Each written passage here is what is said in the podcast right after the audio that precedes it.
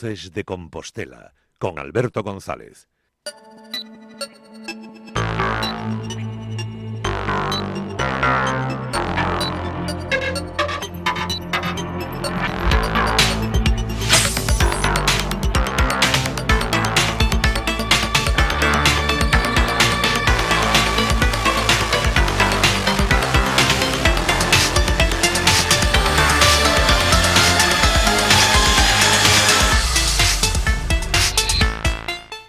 Zona Wifi con Xavier Rolán.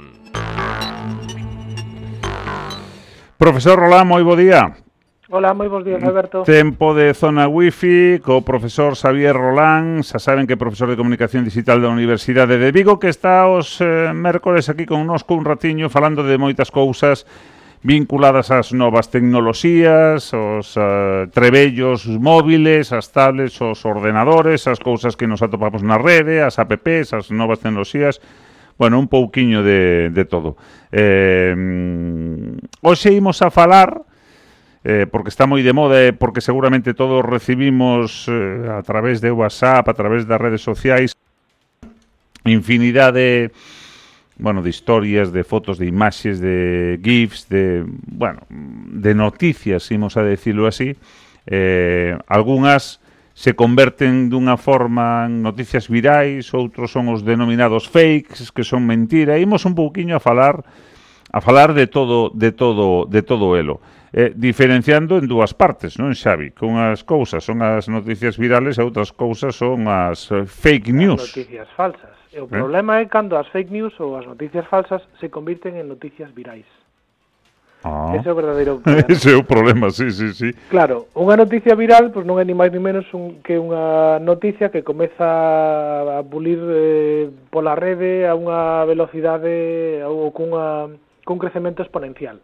Non? E vai eh, pasando de usuarios a moitos usuarios máis nun período de tempo moi moi cortiño. E, bueno, pues son ese tipo de, de noticias que acabas de enterarte e vas a comentarle a un compañeiro e ese compañeiro xa sabe porque se acaba de enterar e voan eh, moito e ademais voan moi rápido. Esas son as, as noticias eh, virais.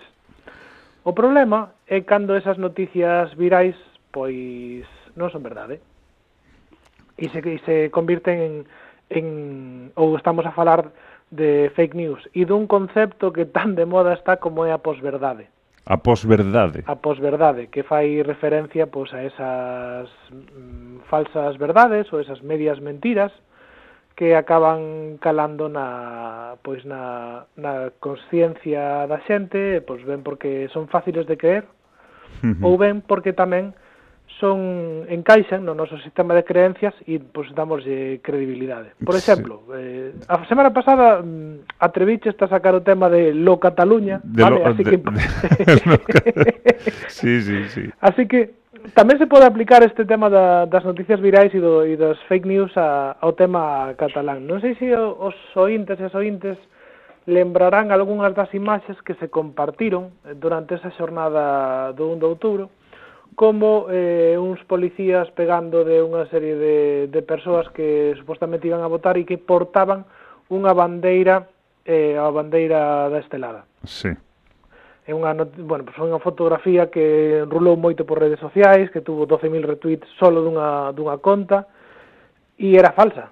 O sea, sí que é certo que houve policías que estaban pegando esas persoas, pero non había esa non estaba esa bandeira. Se notaba que era un Photoshop claro, pero hubo moita xente que, que quixo creer esa fotografía e otorgoulle un estatus de verdade. Claro, empezamos sendo falsa. a reenviar, a retuitear, e a darlle a favorito, preferidos, ou me gusta, ou me disgusta, neste caso... Justo, eh... e neste caso, bueno, non sabemos as cousas eh, que aparecen en redes sociais públicas, pero claro, a infinidade de... de de fake news e de bulos que nos chegan por, por redes como WhatsApp, que son redes moito máis privadas, pois tamén é, é moi importante. Seguro que todos e todas eh, recordarán esa gráfica que comparaba a dous señores maiores de pelo branco que decían Juan e María son españoles e eh, teñen unha pensión moi baixa e despois pola contra vías a dúas persoas de aspecto musulmán e Muhammad e non sei que están aquí por las ayudas, non sei que. Bueno, pues eh, simplemente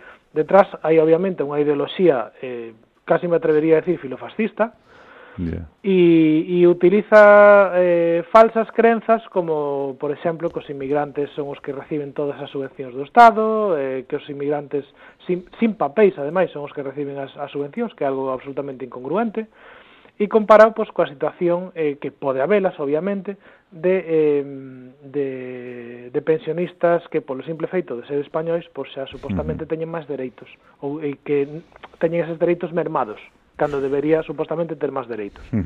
Vale, a ese tipo de imaxes pois rulan con moita facilidade porque además son comparacións que se establecen en certas crenzas que, bueno, pois que temos xa preconcebidas no noso, no noso interior e a veces é moi difícil loitar contra contra elas. Ou xurden imaxes de mm, policías e vídeos da policía pegando a persoas que falan en catalán e hostia como se está pasando a policía xa cos, xa. cos cataláns e é certo que se é un vídeo de verdade, pero resulta que ese vídeo era de 2014, dunhas protestas de 2014. Do 2014. Nada de, tiña que ver. De feito, que ver. Eh, non, que non estamos a falar eh, a decir que non houbo paus ou un de outubro en, no, no, para en, nada, en Barcelona. Psicos, eh, pero sí, si, houbo que está sí, constatado se hai datos de, obxectivos Claro, y, claro. De, de noticias falsas, de noticias falsas, noticias falsas que se, que faen virais. Eh, eh, lembro dunha imaxe dun rapaz, creo que rubio, eh, unha foto, digamos, que estaba de perfil, sangrando pola cabeza, que creo que tamén era unha imaxen de unha manifestación de, de facía neste caso, neste caso tempo. Eh, o que falamos é que Xavi Eh, non sei se pola estructura das redes sociais, non sei por que motivo, porque lle prestamos pouca atención, porque non sei cual é a, a situación, pero que, que digamos, esas mentiras, esas noticias falsas, se convirte en eso, dunha forma rapidísima en, en virais e aparecen en todos os teléfonos móviles. Sí, xusto, además como temos un dispositivo que levamos con nós a todos os lados, que parece que non somos nadie se non levamos ese dispositivo con nós, como son os teléfonos, que nos permiten moitísimas cousas boas, pero tamén é certo que facilita en certa medida este ecosistema de noticias de noticias virais O problema, insisto, é cando as noticias falsas se convirten en virais. Sí. E agora é cando pois a pregunta eh, que supoño que moitos e moitas ointes están facendo é por que as noticias falsas se convirten en virais. Por que? E hai algúns estudos eh, que sinalan eh, entre eles a tres factores fundamentais. Vale. Un dos, o primeiro factor sería a enorme cantidad de información que temos a nosa disposición. E isto é algo lóxico se si temos en conta que a través da ventana de Internet podemos acceder a centos de medios de comunicación e ademais de desa de información que nos buscamos proactivamente, uh -huh. tamén recibimos moitos impactos de información pois a través de redes sociais, de todas, de Twitter, abrimos Facebook e lemos as cousas que que publica e que comenta moita moita xente e recibimos moita moita eh, cantidade de información. Isto ademais súmase ao pouco tempo e a pouca atención que lle dedicamos. Sí. Vale, porque a pesar de que recibimos moita información, é moi difícil procesala e además o noso cerebro pois ten unha capacidade limitada.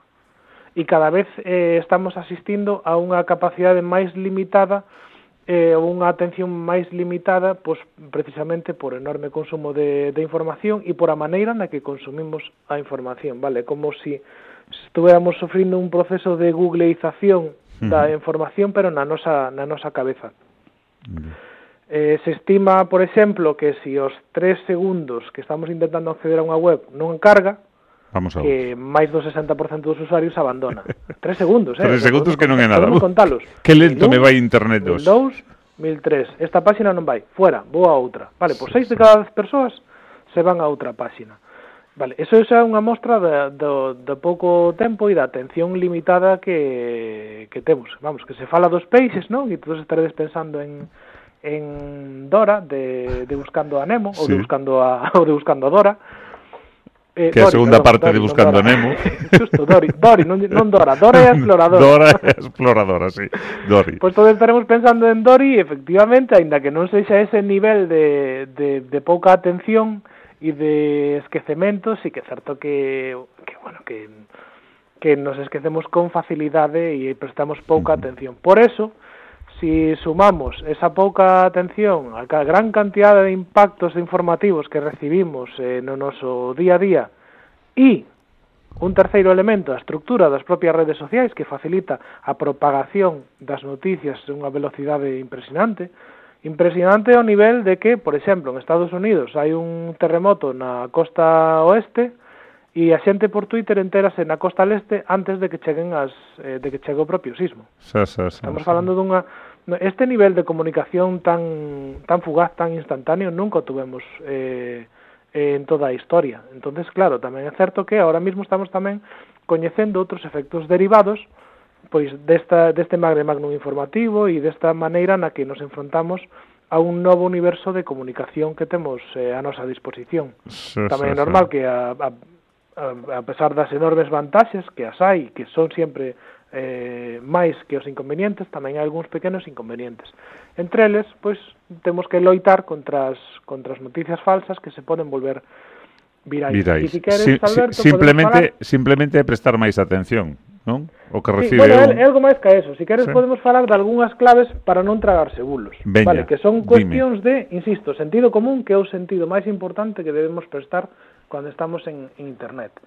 Eh, son uns, unhas claves que, que ofrece un, un bot de Telegram, que, bueno, unha, unha conta de Telegram que me parece brutal, vale? É unha, unha conta de Telegram, Telegram, aplicación de mensaxería, que te vai informando sobre eh, noticias diarias e procura ofrecerche información, eh, si posible, eh, discordante do que tú pensas para tamén un pouco abrirche o abanico, porque ao final non o que estamos facendo é ter a nosa propia cámara de eco, uh eh, reafirmámonos e lemos cousas que, que, que realmente estamos de acordo.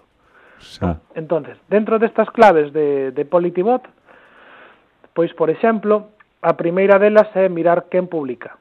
Vale, eh, si coñeces ese medio de comunicación que publica esa, esa, noticia. esa noticia. E ademais, se si hai outros medios que estén contando esa mesma historia, vale, porque que só diga un medio eh, xa é algo que nos podría extrañar. Si é moi moi reciente, é certo que é o primeiro un medio o primeiro que saca noticia, pero despois a seguida hai máis máis sí, medios. Sí. Outra cuestión, e aquí xa é algo no que pecamos todos, non quedarse só no titular. Hai que ler a noticia completa. ler a noticia completa. Non quedarse co titular e compartir. Es que vero que acaban de decir agora este que va, eh, que acaba de roubar tanto. Bueno, pues lee a noticia completa, compara e despois xulga por ti mesmo e ademais, eh, moito cuidado tamén coas páxinas de humor, porque moitas destas páxinas bueno, satíricas... Hay, sí, sí, sí, eh... que contan, están contando, digamos, noticias falsas, porque pero se son páxinas de humor. Claro, pero hai que ter, eh, hai que mirar, por exemplo, o aviso legal ou, por exemplo, saber cal é a fonte. Porque non é a primeira vez que me atopo con, con persoas e comentando, jo, pues mira o que, que, mira o que acaban de decir, por exemplo, de Pedro Sánchez. E, e mira, este onde o liches? Pois pues, lino en el mundo today. Uy, Sacar. el Mundo Today casi é a referencia de, de página satírica. U, u, ou se queremos unha en galego, sí, tempos sí, galegos, sí, vale? Sí. Tempo, tempos galegos, sí. Tempos galegos, sí, me, me da absolutamente igual, pero son páxinas satíricas, o sea, non podemos dalas como como verdadeiras, porque o seu obxectivo precisamente pues, é sacarnos unha sonrisa na cara. Sí, sí. Tomarse a vida un poquinho máis con humor que o que o que se adican, non? Efectivamente. Mira, outro punto, por exemplo, cuidado coas citas falsas. Vale, e agora todos estaredes pensando eh, nas citas que supostamente dixo Paulo Coello. Coello, non Coelho, vale? Seguramente estaremos acostumbrados a ler eh, frases que podrían encaixar perfectamente con calquer persona eh, famosa, porque é de sentido común, e se aparece a foto de Paulo Coelho ou aparece firmada por Paulo Coelho, xa lle damos eh, outorgamos un estatus de, de veracidade que evidentemente pois pois non ten. Non, despois, estou, estou, suposto, estou vendo algunha das noticias de tempos galegos, non? Eh, Venga, eh, non, hai un dibuixo dun mapa de España eh, que resalta o que Cataluña e eh, poñen unha bandeira, a nova Murcia, pois, pois cousas así, non?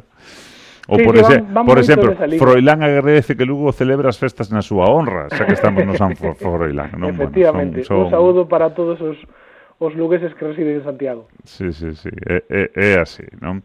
Eh, bueno, mm, creo que está bastante clara a situación, non? Que que non convirtamos en vida esas noticias falsas, que seamos sí, un pouquinho máis rigorosos. Outra cousa claro. que non estamos a falar dos sketch, das eh, noticias eso graciosas, eh, que si sí, as podemos reenviar estas historias, non? pero non as falsas, oiches, o que pasa?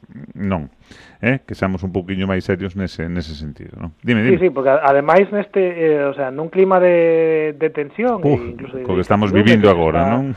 Que estamos vivindo, o sea, hai noticias que realmente pois hai que ter moi cuidado, moito cuidado co que se comparta. A mí chegou unha semana pasada unha noticia sobre que ETA acababa de reactivar os seus comandos e, a ver, señores, bueno, estes, claro. estas, eh, o que está pasando xa é suficientemente serio como para que non lle, nós non lle prestemos certa atención e tratemos de verificar se realmente esa información que nos chega é falsa ou non.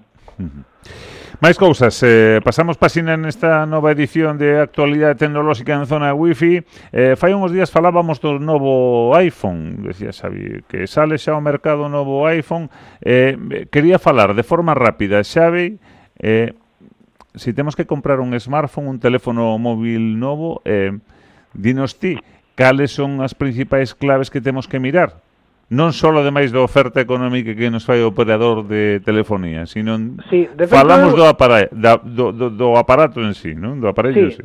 De feito, o meu consello é eh, ahora mismo é eh, pasar olímpicamente da oferta que che faga o operador de telefonía, porque eses descontos que había hai anos de que che regalaban o terminal eh, eh, desapareceron, e sí que é certo que agora hai uns pequenos descontos, pero que ao final acaban atándote a certo tempo de permanencia. O sea, igual estamos falando de hasta 24 meses, que 24 meses non nos parece moito, pero cando levemos dous anos con un teléfono, xa seguramente moitos quererán, quererán cambiálo e ainda están atados á propia compañía. E o desconto en realidad non é tanto, porque despois se empezas a multiplicar a tarifa que un ten co número de meses que leva, pois xa vería que se houbera forrado eses cartos, houbera comprado un teléfono mellor. Uh -huh. Así que a miña, o meu primeiro consello é, se si posible, eh, si poden des, dispoñer de, pues, de unha de pequena cantidade que collen o teléfono libre. Vale, obviamente o primeiro que hai que mirar é o prezo. E porque seguramente é o factor diferencial para todas as persoas, o sea, prezos claro. para un smartphone Depende do que queiras facer, pero tes teléfonos desde 50, 60 euros hasta, pois, o que falábamos outro día do sí. iPhone, do iPhone Mi, 10 que euros, custa sí. 1150 euros a versión máis a versión máis económica. Fan todos o mesmo, fan máis ou menos as mesmas cousas, uns fan o mellor e outros fan o mellor. E aquí onde se queres podemos empezar a valorar algúns aspectos que se poderían ter en conta. Dime, 4 ou 5 claves. Por exemplo, catro ou cinco claves. A primeira é, se vamos a, a ter moi moi en conta o prezo, é probable que eh, nos fixemos en teléfonos chinos, porque teñen unhas características moi aceptables a un prezo moito máis competitivo que, que os terminais que se venden en Europa. Problema que ten comprar un teléfono en, en China, hai que ter moito cuidado coa garantía, porque a veces a garantía só é, eh, no mellor dos casos, é de 12 meses, vale? Co cual estamos perdendo a legislación europea que obriga a 24 meses de garantía e despois, por outro lado, que o mellor o servicio técnico non está en Europa e se temos un problema temos que mandar o teléfono e, o, e os costes de envío eh, repercuten no, no comprador, pois ao final ese diñeiro que eh, inicialmente queríamos aforrar, pois acaba sendo eh, un, unha perda de diñeiro incluso maior. Vale, tendo en conta isto, pois algúns aspectos eh, técnicos que sí deberíamos ter en conta son, por exemplo, o tamaño da pantalla. Ahora mismo está estandarizado o, as pantallas de, de 5 polgadas. Eh, tamén o tipo de pantalla. Para, para que é importante o tipo de pantalla? De si é OLED, Super OLED, AMOLED, pois Agora mesmo onde máis oímos a notar cando saímos á rúa e nos dá o sol directo. O sol no, no, hai, no, no, hai pantallas que non teñen a suficiente eh, non a nitidez, sino a, o contraste como para poder ofrecer unha resposta diante dun, dunha intensidade de, de sol tan grande. Xa. Canto mellor sexa a pantalla, obviamente, xa saberedes que vai ser máis caro o, o teléfono. teléfono. E tamén, canto maior sexa a pantalla, maior vai a ser o consumo de batería. Por eso hai que ter tamén en conta a batería eh, non só que se poda extraer e meterlle outra, que sería unha cousa unha cousa boa. Sí, porque hai algúns terminais que se veñen con batería integral. Sí, eh, era algo que facía, por cambiar. exemplo, uh -huh. iPhone sempre o fixo así, e despois me parece que tamén Motorola ten algúns terminais que non se pode cambiar, cambiar a batería. A, a batería, eh, perdón. a batería, sí. Uh -huh. E fíxense tamén, por favor, no, nos miliamperios, que é a unidade para bueno, para ter como referencia a batería, unha batería de 3.000 miliamperios de, debería durar como mínimo para pues, para 24 horas, horas de uso encendido, do sí, de uso non activo. Esperen, que a xente non espere teléfonos que dure a batería máis de dous días porque eso acabouse se eh, Pasamos dunha época dos teléfonos Nokia sí, que, que, encendía, que rompían con que, todo. Que, nunca, que nunca acababa a batería, non? Xusto, baterías de unha semana de duración, agora baterías que, bueno, un malamente algúns días día. chegan chegan á noite. Hai un teléfonos, se depende da, da actividade, que teñamos no noso día a día, a veces chegan á noite seriamente perxudicados de batería. Sistema operativo. O sistema operativo iba a decir, hai tres opcións, pero francamente Microsoft acaba de, de anunciar eh, fai moi pouquiño que, que discontinuaba os seus servicios e que as opcións ahora mesmo son Android ou iPhone. Non hai Para ter un iPhone, eh, as opcións empezan, un teléfono novo, quero decir, empezan alrededor dos 300 euros e desde aí para arriba, teléfonos con Android que son a maioría, a cuota de mercado en España agora mesmo está alrededor do 91%, vale? 9 uh -huh. de cada 10 persoas en España utilizan utilizan Android. Uh Pois desde os 50 a 60 euros xa temos terminais hasta hasta os tope de gama de, de Google, por exemplo, Google Pixel, que andará alrededor dos 800 euros aproximadamente. E outro, 100 euros arriba, 100 euros abaixo. E outro aspecto, isto que sempre hablamos da memoria, que teña moita memoria. Eh, hai dous tipos de memoria, memoria claro. RAM e memoria ROM. Vale, é importante que, que teña memoria de almacenamento ou memoria ROM, pero máis importante que que teña memoria de almacenamento ou tan importante que como que teña boa memoria é que se poda expandir, é dicir, que poidamos eh, meterlle tarxetas, tarxetas, tarxetas SD, eh, micro SD, eh, estas cousas, ¿no? porque eso que vai a ampliar a capacidade. Pero hai outra memoria que é a memoria RAM, que esa memoria non se pode ampliar e que debería ser de mínimo 2, 2 gigas. E para que é importante a memoria RAM? Pois para poder cambiar de aplicacións e cambiar rápido de aplicacións vale, para que o teléfono vaya máis rápido ou máis fluido, mellor, mellor decir máis fluido, é preciso que os que os teléfonos teñan unha memoria RAM potente. E como mínimo, como mínimo, ahora mismo debemos optar por un terminal que teña 2 GB de, de memoria RAM. Uh -huh. E eh, último consello, veña, que se nos pues mira, esgota o tempo. último consello, ahora mismo estou falando de aspectos técnicos, pero non hai nada como a sensación en man.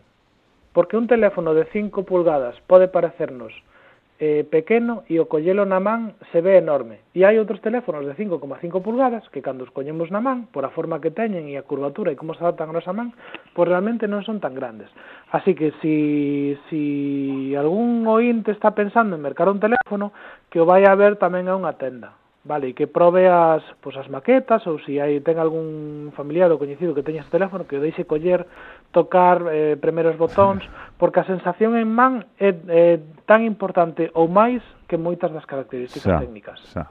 Bueno, pois son as principales recomendacións que dá o profesor Xavi Martínez, Xavi Rolán, si, si quere un comprar o teléfono móvil, un novo trebello para a súa man, un novo, un novo smartphone.